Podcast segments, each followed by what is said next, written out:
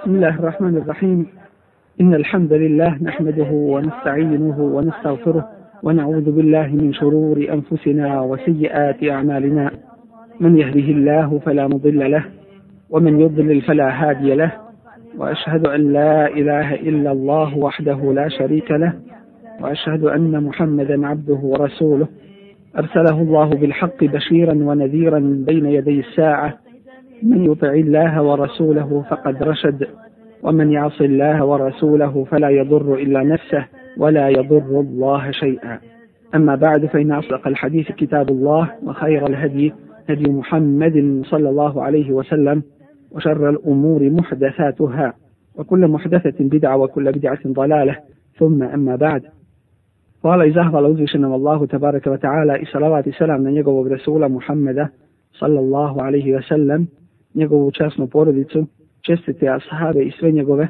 sljedbenike do sudnjega dana. Velika je blagodat uzvišenog Allaha subhanahu wa ta'ala da nam je omogućio da možemo govoriti o Allahovoj vjeri onakvoj kakva ona jeste i da se danas ukazuje mnogima prilika da čuju ono što njihovi preti često nisu mogli čuti. Što se tiče ove blagodati dužnosti čovjeku da zahvali Allahu subhanahu wa ta'ala na njoj, a prije svega zahvalnost se ogleda u pogledu ove blagodati u njenom traženju, to jeste u traženju ovoga znanja da čovjek što više se ojača u svojoj vjeri, zatim u radu po tome što je naučio, jer između ostalog čovjek će biti pitan na sudnjem danu i o svome znanju da li je po njemu radio. Zatim u pozivanju u ovo znanje i njegovu primjeru i zatim u davanje najljepših primjera svim mu'minima u izvršavanju principa ove vjere. Jedno od pitanja koje je počelo sa početkom stvaranja čovjeka jeste pitanje odnosa čovjeka i šeitana. To jeste pitanje ovoga vječnog neprijateljstva koje traje do sudnjega dana. Uzvišen je Allah tabaraka wa ta'ala upozorio nas je na to i rekao inne šeitana lekum aduvum fettehiduhu aduva. Zaista vam je šeitan otvoreni neprijatelj pa ga takvim i držite. Dakle, držite ga kao svoga neprijatelja, držite ga za svoga neprijatelja i pazite ga se i budite oprezni u pogledu njegovih spletki.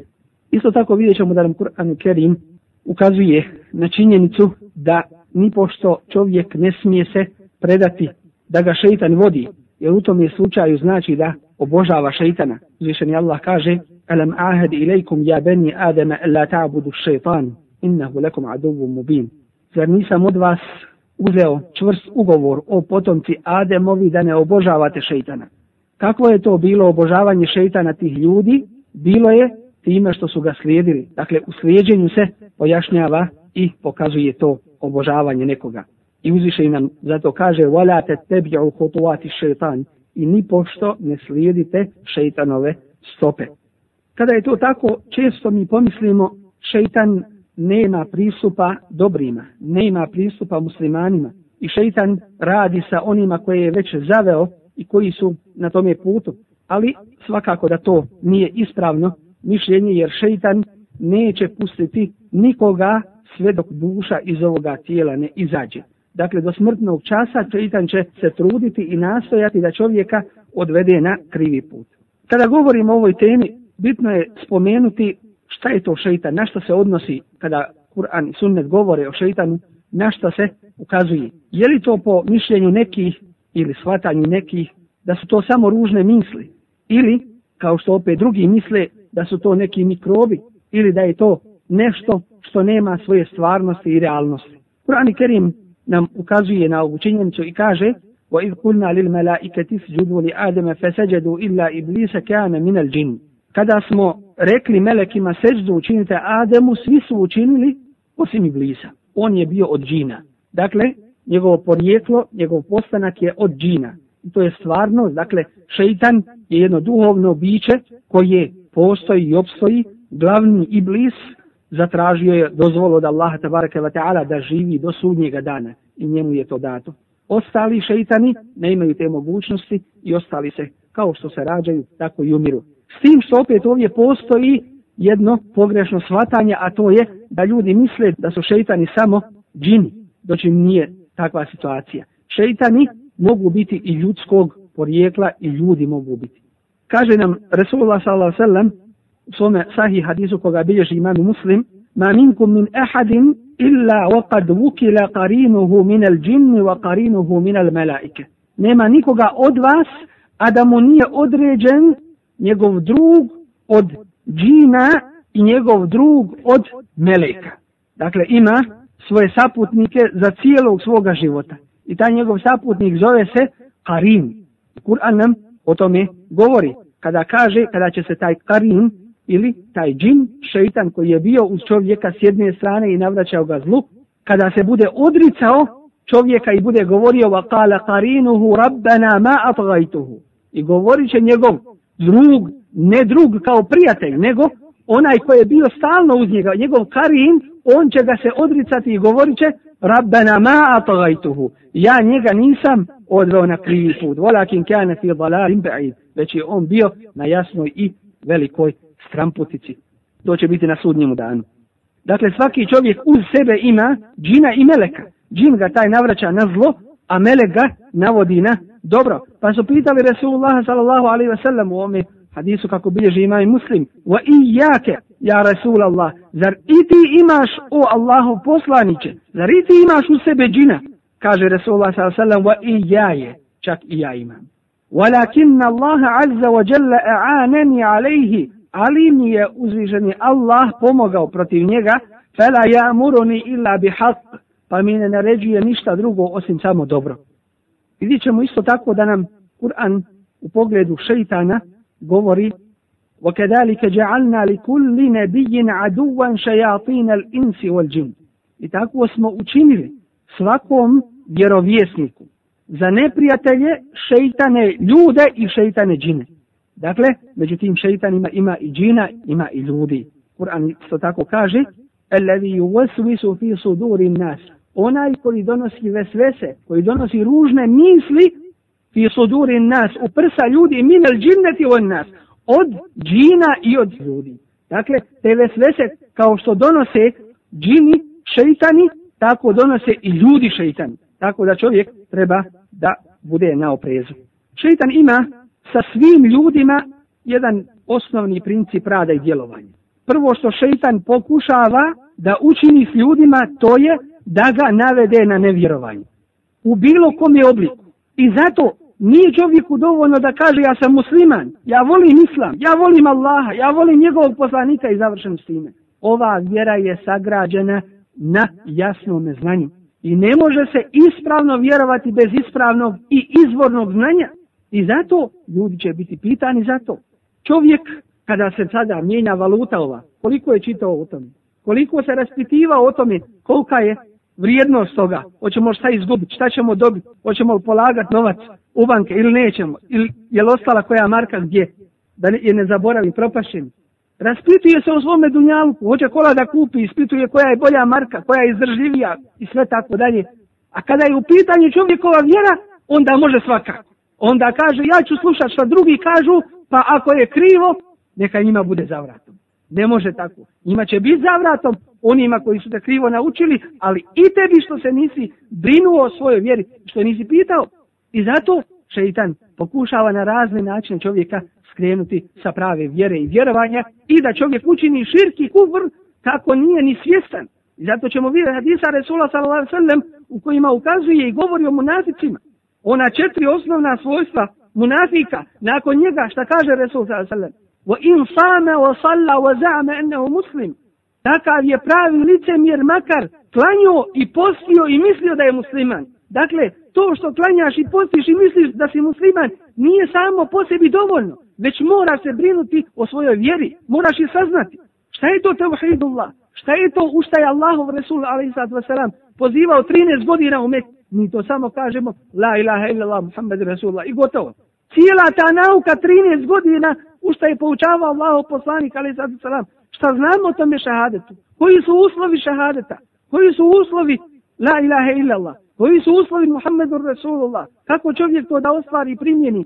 Treba da se zna svoja vjera. A s druge strane, kako čovjek da se čuva da ne učini kufr i širk, Allahu tebareke wa ta'ala, jer ako to učini, samo dijela propadaju, pa kakva korist onda s jedne strane zarađivati i raditi, a s druge strane da dijela bivaju uništena i propaštena. I zato čovjek mora biti na oprezu u pogledu svoje vjere i poznavati svoju vjeru. Illa men šehida bil haqti wa hum ja'lamun. Oni koji svjedoče riječ istine znajući je. Jer ima oni koji će po hiljadu puta reći la ilaha illallah, la ilaha illallah. A s druge strane vidimo da čini greške koje ga ne uzobila nekada izvode iz vjere. I zato ne smije musliman biti taj koji će formalno uzimati svoju vjeru samo. Prvo i najvažnije što šeitan pokušava da učini sa čovjekom, to je da kufr širk učini. Zato treba učiti, treba poznavati svoju vjeru. Dalje, ako tu ne uspije, onda dođe čovjeku i pokušava ga navesti na neku novotariju, na ono što se zove bidat. A to je da učini uvjeri nešto što nema svoje osnovi šta god se radi u vjeri mora imati svoj dokaz. Jer vjera nije prema nahođenju, prema izmišljanju, već prema slijeđenju. I zato da radiš i dan i noć, ako to nije u skladu sa Allahovim propisima, sa praksom Resula alaih sallatu wasalam, nema nikakve koristi od toga. Jednom prilikom Resulullah alaih sallatu wasalam vidio je čovjeka koji je postio jednom vrućem danu na suncu, pa je pitao svoje ashabe šta bio ovome čovjeku, šta mu je, što ne ide u hladovinu. Kažu mu, on se zavjetovao da će cijeli dan posteći stajati na suncu. A pa kaže onda Resulullah ali sada salam, prenesite mu da Allahu to ne treba. Dakle, nema koriste toga. Zašto? Zato što ibadet, zato što ova vjera se ne uzima prema pretpostavci, prema nahođenju, već prema propisima. I zato pokušavate na novotariju dovesti. Da ti radiš nešto i misliš da je u redu i misliš da ćeš imati cevap, a na kraju ne samo da nemaš cevap, već imaš grijeh od toga. Zašto? Zato što si radio nešto u vjeri što ti nije propisano. Ako ni tu šeita ne uspije, onda dolazi čovjeka da navede na velike grije. I da ustravajava u tim grijesima. A ako ni tu ne uspije, onda pokušava čovjeka da navede na male grije pa da ustrajava na tim malim grijesima. Ako tu ne uspije, onda pokušava čovjeka zabaviti mubah stvarima, dozvojenim stvarima, ali da s njima pretjera pa da mu prođe ono od velikih koristi koje može učiniti u ovoj vjeri. I ako ni tu ne uspije, onda ga šeitan pokušava da ga zabavi manje vrijednim stvarima od onih koje su više vrijedne. Dakle, to je šeitanovo nastojanje sa čovjekom da radi. I to čini sa svim ljudima. Mi ćemo sada progovoriti o šeitanovom pristupu dobrima. Kako to šeitan dobrima prilazi? I na koji način sve pokušava da uspije kod onih koji već imaju kod sebe islam i koji rade po propisima ove vjeri. Kao prvo, ono što pokušava šeitan da učini jeste da navede jedne muslimane da loše misle o drugima. Ili jednog muslimana da loše misli o drugom muslimanu. U tom skladu je hadis Resula sallallahu sallam u sahiji muslimu gdje kaže Inne iblise kad je i se en ja'budahu salihun. Iblis je izgubio nadu da će ga dobri obožavati. Da će ga muslimani obožavati. ولكن يسعى بينهم في التحريش ali pokušava da među njih ubaci razdor i neslogu. Da bi se prepirali, da bi jedan drugoga zamrzili, da bi razne smutnje među njih ubacio, tako da bi jedne zabavio drugim muslimanima. Loše mišljenje jednog muslimana o drugom je obično od šeitana. U hadisu koga bilježi imani Buhari u svome sahihu od eh, Safije bintu Fujej, žene Allahovog Resula sallallahu sallam, kaže se, Allahov poslanik alaihi sallatu sallam bio je naslojen u džami. Bio je mu'tekifen, bio je u etikafu u džami. Pa sam mu došla da ga posjetim po noći. Sa njim sam razgovarala, zatim sam ustala da se vratim kući. Dakle, Resul alaihi sallatu sallam bio je u etikafu u džami i došla njegova žena da ga posjeti u itikafu, jer je poznato da Mu'tekif, onaj koji je u itikafu, ne izlazi iz njega dok ga ne završi. Zatim sam ustala da se vratim kući, pa je i on ustao da me isprati. Tako su prošla dvojica ljudi Ensarija, radijallahu anhuma, neka je Allah sa njima zadovoljan, pa kada su vidjeli Allahovog vjerovjesnika, pohitali su, požurili malo brže da idu. A on im onda reče, ala rislikuma, polako, ne žurite, innaha safijetu bintu hujej. To je safija, kći hujeje. Dakle, nazvao je pred tima sahabima imenom i odredio koji je otac. Tačno da se zna, to je ta osoba. Fa kala subhanallah ja rasulallah. Pa rekoše subhanallah. Subhanallah znači Allah je bez greške. Allah je uzvišen. Zato kad imam pogriješi, šta mu se kaže? Subhanallah. To znači Allah je bez greške, a ti se pogriješio drugim riječima. Subhanallah znači Allah je veličanstven, Allah je savršen i tako dalje. Pa rekoše Subhanallah, o Allahu poslaniće, a on im odgovori. Inne šeitane jeđri min ibni Ademe međra dem. Šeitan kola u sinu Ademovom, u potomku Ademovom, kao što kola krv. Wa inni hiftu en jaklife fi kulubikuma šerra. Pa sam se ja pobojao da u vaš srca ne ubaci kakvo zlo. Da šta loše po Allahovom poslaniku ne pomisli. Ko? Ashabi. O kome? O Allahovom Resulu. A gdje smo mi? Dakle, iz ovoga vidimo da je Resulullah sallam bio oprezan u pogledu šeitanskih spletki. Tako da mi moramo slijediti u tom je svakako njegov put da ne bi šeitan ubacio ružne misli jednim protiv drugih i svakako ovo je upozorenje svima da se moraju kloniti šube s jedne strane i ako postoji ta sumnja da je objasne među ljudima da ne bi imali oni loše mišljenje o njima. S druge strane, oni koji posumnjaju nešto ili im šeitan nešto ubaci, na njima je ne da idu trećoj osobi da ispituju i da govore o dočnoj osobi, već da dođu toj dočnoj osobi lično i da ga pitaju o tome što im je šeitan ubacio u njihovo srce. Tako da često se dešava da čovjek čuje nešto o svome bratu muslimanu ili vidi nešto što mu izazove sumnju u srcu koju on taji, koja se kasnije gaji, koja se kasnije proširuje, tako da ga ne uzubila kasnije uništi. Šta treba u tome slučaju učiniti? Svakako da, a o tome ćemo podrobnije govoriti, treba da čovjek zatraži utočište kod Allaha tabaraka wa ta'ala od prokletog šeitana. Jer to je od šeitana. Jednom prilikom, kao što spominje hadis imam Buharije, da su dvojica ljudi kod Allahovog Rasula alaih sato salam toliko se žestoko posvađali i počeli prepirat da su jednome oči pocrvenjali. Pa kaže Rasul alaih sato ja znam jednu riječ kada bi je rekli to bi otišlo od njih. E audu billahi mine šepan. To je da. Te tada šeitan pobjegne od čovjeka. Drugi način kako šeitan prilazi dobrima jeste da pokuša uljepšati novotariju. Pa ćemo vidjeti svakako da bilo kakva promjena u mjestu, vremenu, u načinu, u obliku, u količini i tako dalje, onoga što nije propisano, mijenja i izvodi taj ibadet iz ibadeta, izvodi ga u nešto drugo od čega više nema koristi, može biti samo grijeha. U tom je smislu primjera imamo nažalost da ih ne možemo ni pobrojati. Od toga nam je poznato da je hađ u određeno vrijeme, da je hađ na određenom mjestu. Imamo ljudi koji danas nazivaju određena mjesta malim hađom i posjete tih mjesta u određeno vrijeme, što Allah nije propisao, na određeno mjesto dolaze, dakle, želeći ono što se na hađu čini i želeći principe hađa primijeniti vamo. Određivati neko mjesto da je blagoslovljeno i neko vrijeme i nazivaju ga čak i malim hađom.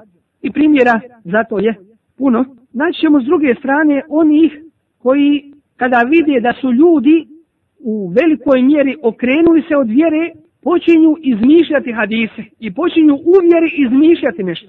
Pod opravdanjem okretanje ljudi od vjere, oni kažu ljudi su daleko od Allahove vjere. Moramo nešto u ovoj vjeri izmisliti da bismo ih privukli. Neki novi ibadet moramo izmisliti da bismo privukli ovoj vjeri. Pa ćemo vidjeti da izmišljaju načine daveta preko koncerata, preko ovoga i onoga, da bi ljude doveli sve to pod imenom želimo dobro. Isto tako ćemo vidjeti da se izmišljaju hadise na Allahovog Rasula sallam pod opravdanjem da se ne laže na Allahovog poslanika, već se laže za njega. Dakle, u njegovu korist. To ne može biti nikako. Već je to u stvari upropaštavanje Allahove tebara sallam vjeri. I to je velika opasnost i najviše musibeta gdje je ulema islamska imala u istraživanju hadisa, došlo je upravo od takvih ljudi. Od tih koji su bili po svojoj vanštini pobožni, ali nisu, znam, nisu imali iluma. I zato su izmišljali na lavog poslanika, ali sam sam pod opravdanjem da, da žele ljude vratiti u vjeru. I zato otkrivanje takvi je bilo vrlo teško i Ulema je to svakako i otkrila. I zato kada su pitali imam Malika, ne vidimo te puno da postiš, kao što druge vidimo, a ti si imam muslimana. On kaže, meni je Allah olakšao put znanja. Pa me ostavite na tome što mi je Allah olakšao. Tako mi je Allaha ja u ovom mesđidu, u džami Allahovog Resula sallam, ja znam ljude za koje poželim da mi dovu učine Allahu te bareke wa ta'ala. Ali ja od njih ne primam jednog hadisa. Nisu za toga. Dakle, vidimo iz ovoga da šeitan u neznanju pokušava čovjeka da prevari čovjeka jednostavno umjesto četiri rekata par za određenog namaza dodao još jedan pet da klanja. Batal mu je sve. Uzmite prema tome kijasom i analogijom za sve ostalo. Dakle, vrlo je opasno novotarije u vjerčini. I zato jedan od tabina rekao da vidim u džami vatru koja je zapaljena, koju ne mogu ugasiti, izgorit će džamija. Kaže, to bi mi draže bilo nego da vidim novotariju i bidat koji ne mogu da spriječim. Znači uništi vjeru, ovdje će uništiti džamiju pa ćemo je napraviti, ali ako ti uništi vjeru, gotovo ti onda. I da je u ovoj vjeri izmišljano kroz ova cijela stoljeća, kroz 1400 godina, šta bi u našoj vjeri ostalo? Ostalo bi kao kod onih koje vidimo da ulaze u svoja mjesta okupljanja, da imaju posude i samo umaću prst. Pa sam ih pitao šta to radite, kaže to je naš abdes. Dakle, na to su sveli svoj abdes. Potom je šta lakše i tako se sve radi dalje trebamo znati da su ibadeti tačno precizirane radnje vjerom, Kur'anom i sunnetom. I u njih ništa nije dozvoljeno ni ubacivati ni izbacivati, nego se moraju raditi onakve kakve su i propisane. Treći način pristupa šeitanovog čovjeku, i to dobrima, jeste da pokušava kod nekih uvećati jednu stranu na račun druge strane. Kako to radi? kod pojedinca pokušava čovjeku uvećati jedan ibadet. Naprimjer, dođe čovjeku i kaže ti klanjaš. Zar nije namaz stup vjere? Zar nije namaz nešto najvrijednije, najvažnije? Ovi grijesi, to će Allah oprosti. Lahko ćeš to s Allahom.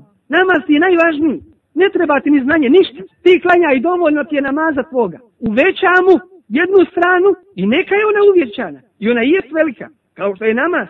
Ali problem je ako je to na račun drugoga. Ako je to na račun drugoga ibadeta, ili drugome dođe i kaže mu, ti traži nauku, ti samo uči. Samo se ti tim bavi.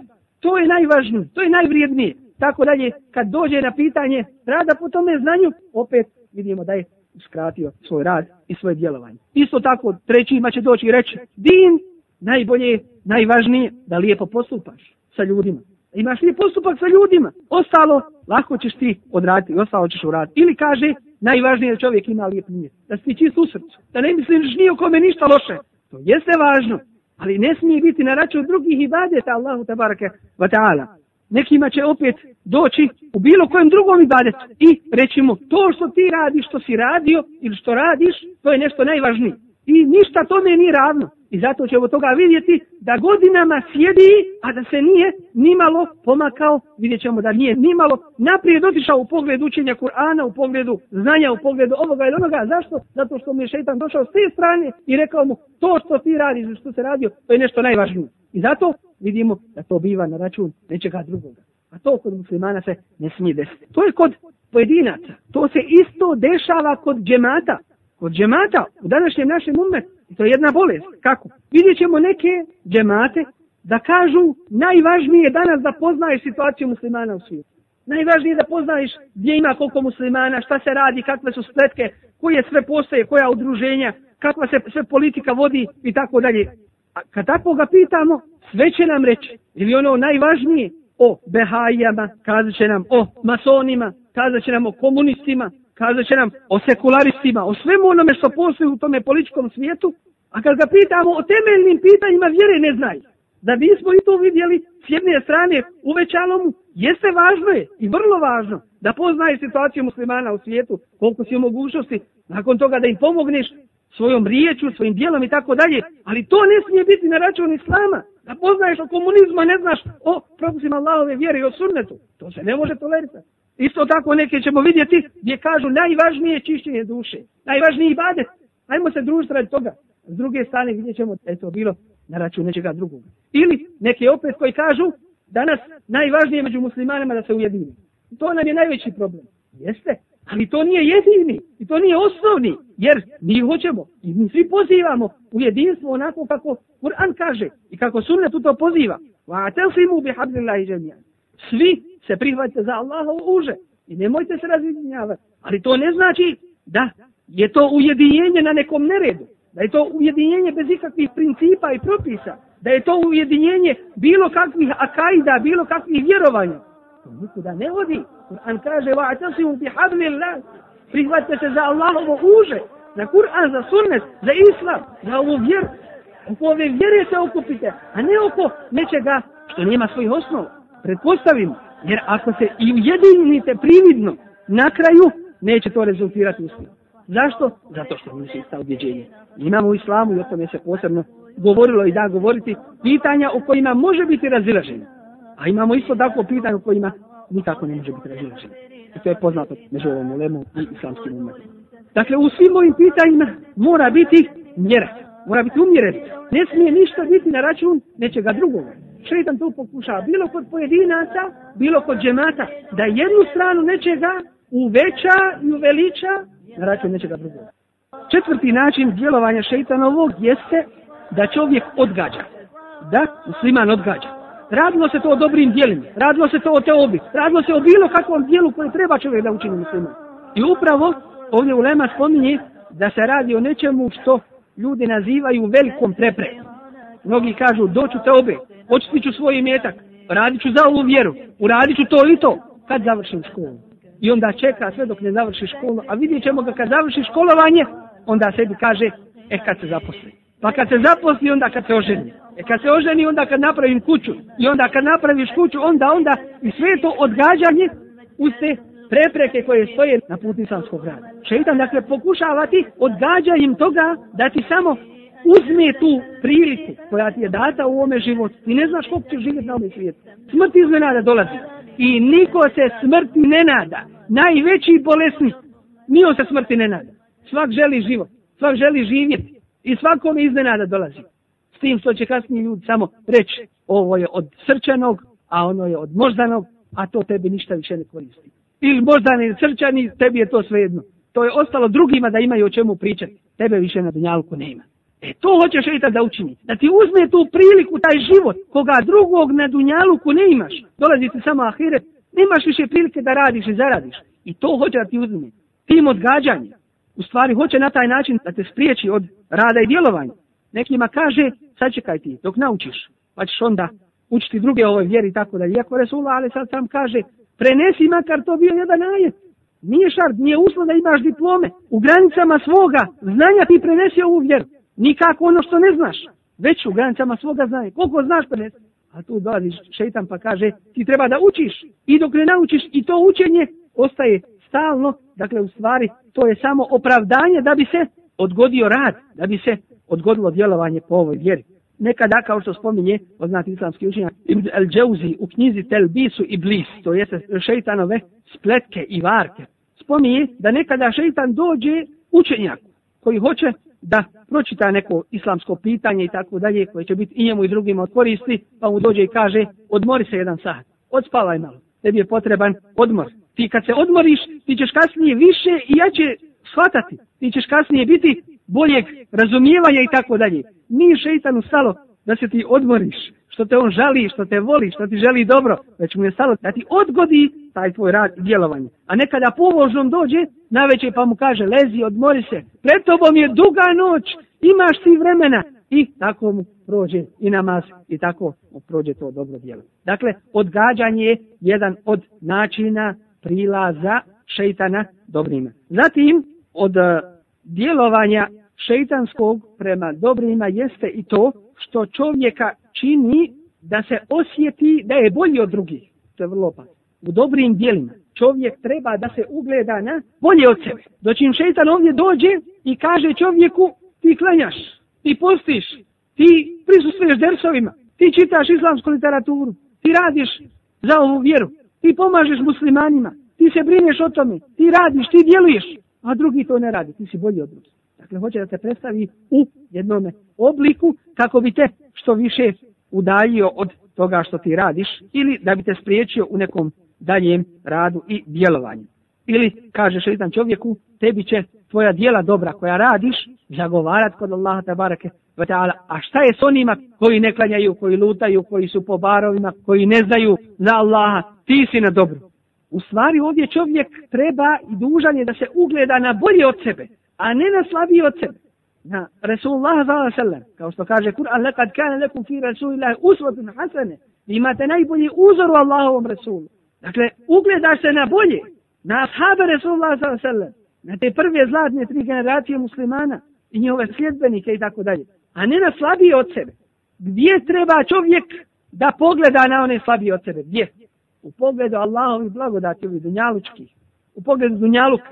Kada vidiš da neko ima više od tebe, onda pogledaj na onoga ko ima manje od tebe, pa ćeš tako Allahu zahvaliti.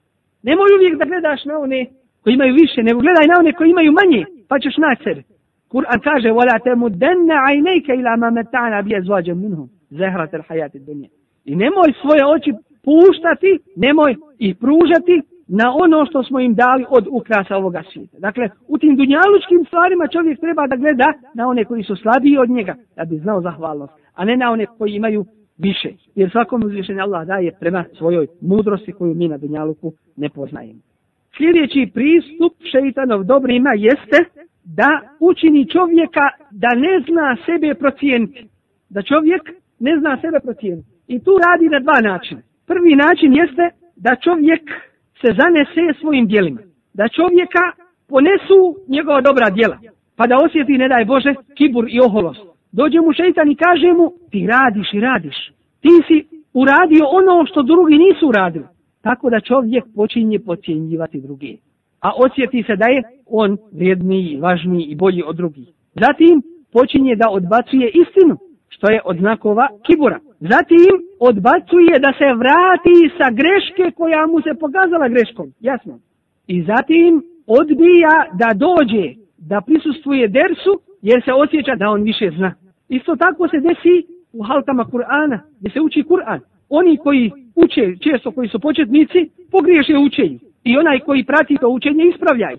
Taj koji prisustuje tome dođe mu šeitan i kažemo zar nije sramota da ti pred ovim zapinješ, da mucaš, da tako učiš, to je sramota za tebe. I umjesto da nastavi učiti, on izbjegava dolazak na takva mjesta da se ne bi osramotio pred drugima. I šta se dešava?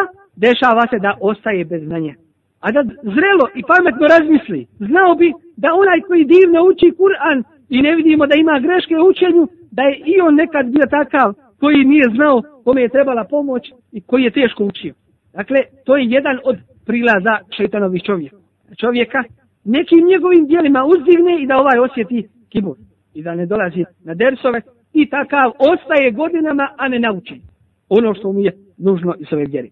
Drugi način jeste da šeitan priđe čovjeku i da mu umanji njegovu vrijednost. U prvom slučaju uveća čovjekovu vrijednost. U drugom slučaju umanji čovjekovu vrijednost. Kako umanji?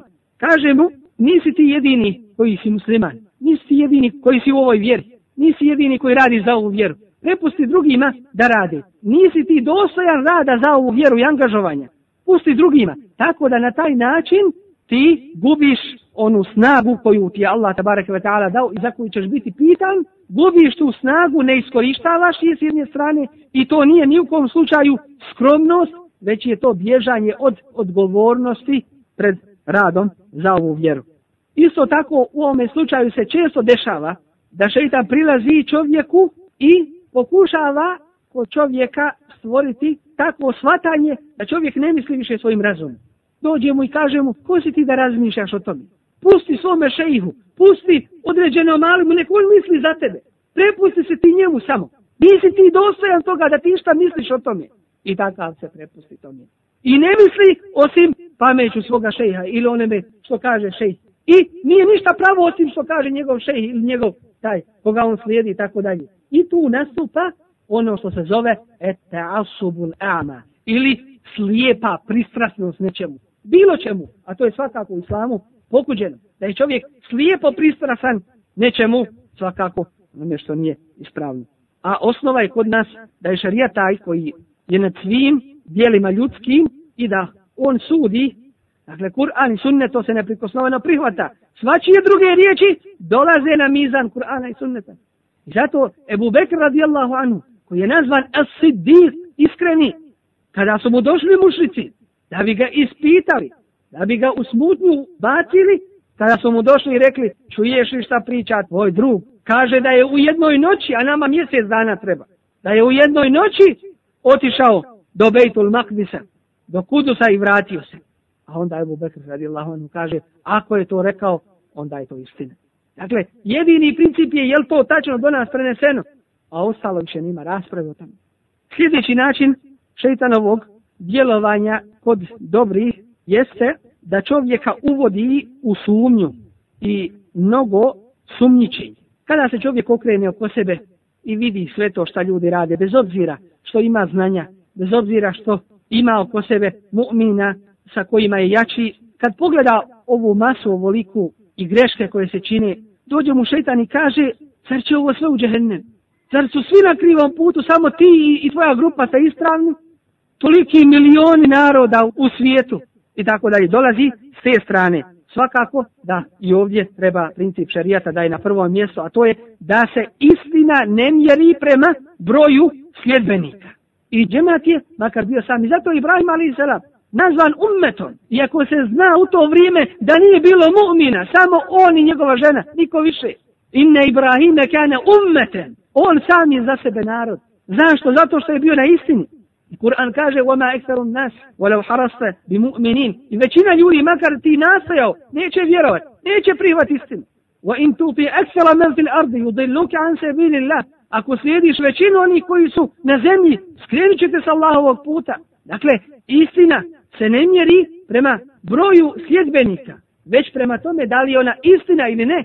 Jedan od poznatih tabiina, Noaim ibn Hammad, je rekao, džemat je ono što je u skladu sa Allahovom pokornošću, azza wa Dakle, džemat je ono i oni koji su u skladu sa Allahovom pokornošću.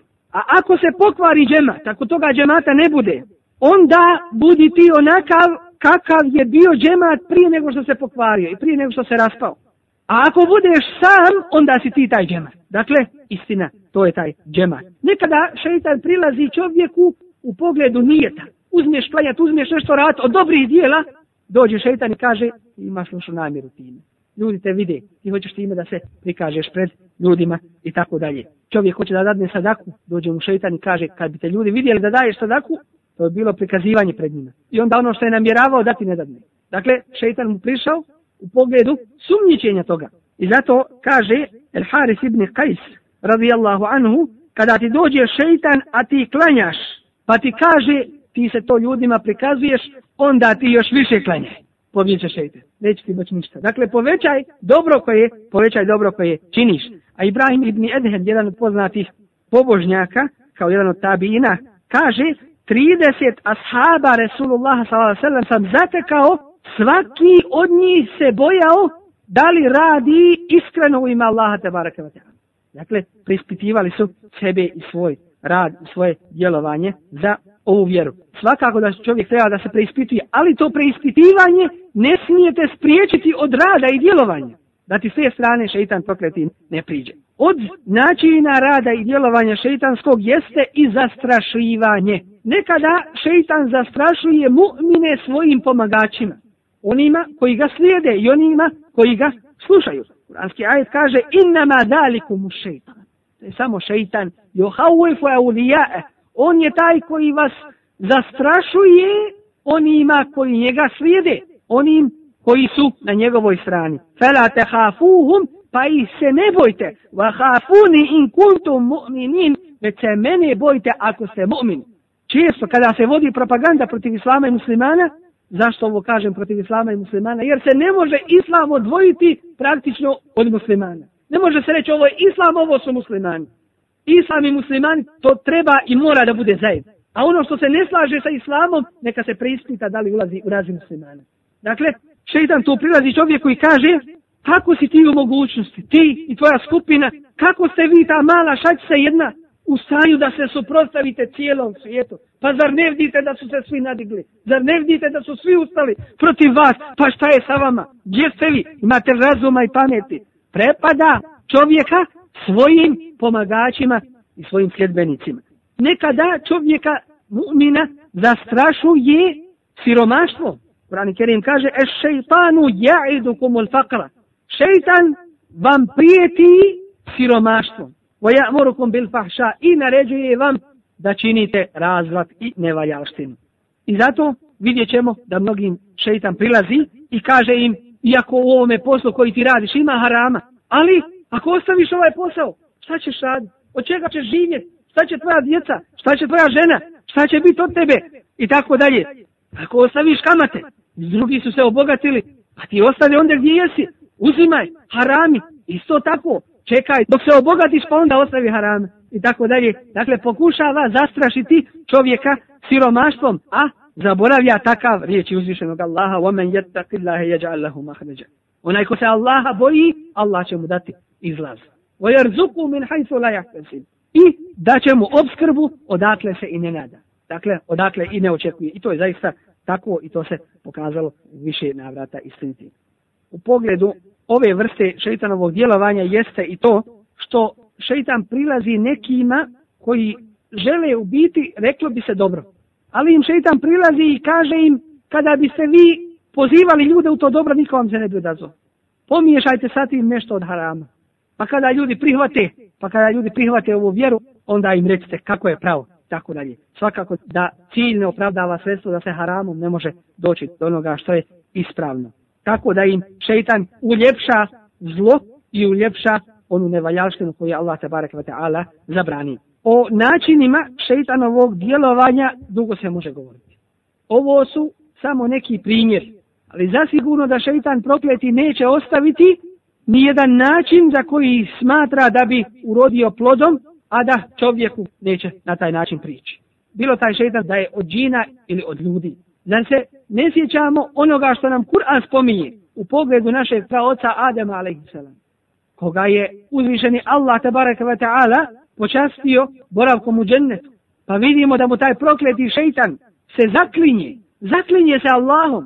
Kaže Ademu wa qasemehuma inni lekuma leminen nasihin. I zaklinjao im se, ja vama samo želim dobro, ja vam nasihat činim.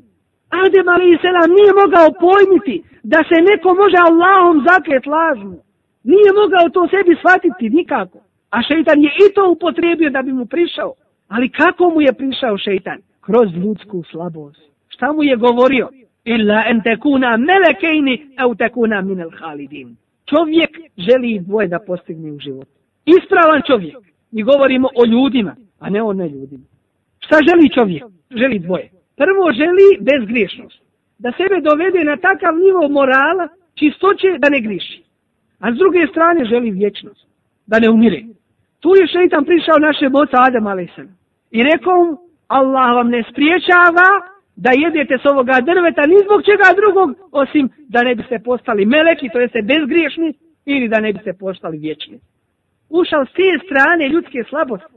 I zato treba sebe da znaš koje su tvoje, gdje su tvoje slabosti da se s te strane posebno osiguraš.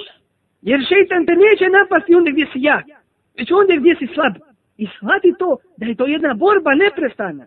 Ako ne uspije da te izvede iz ove vjere i udali je od nje, on će pokušat da te zavede nečim. Pokušat će da ti seva bumanji i tako dalje i tako dalje.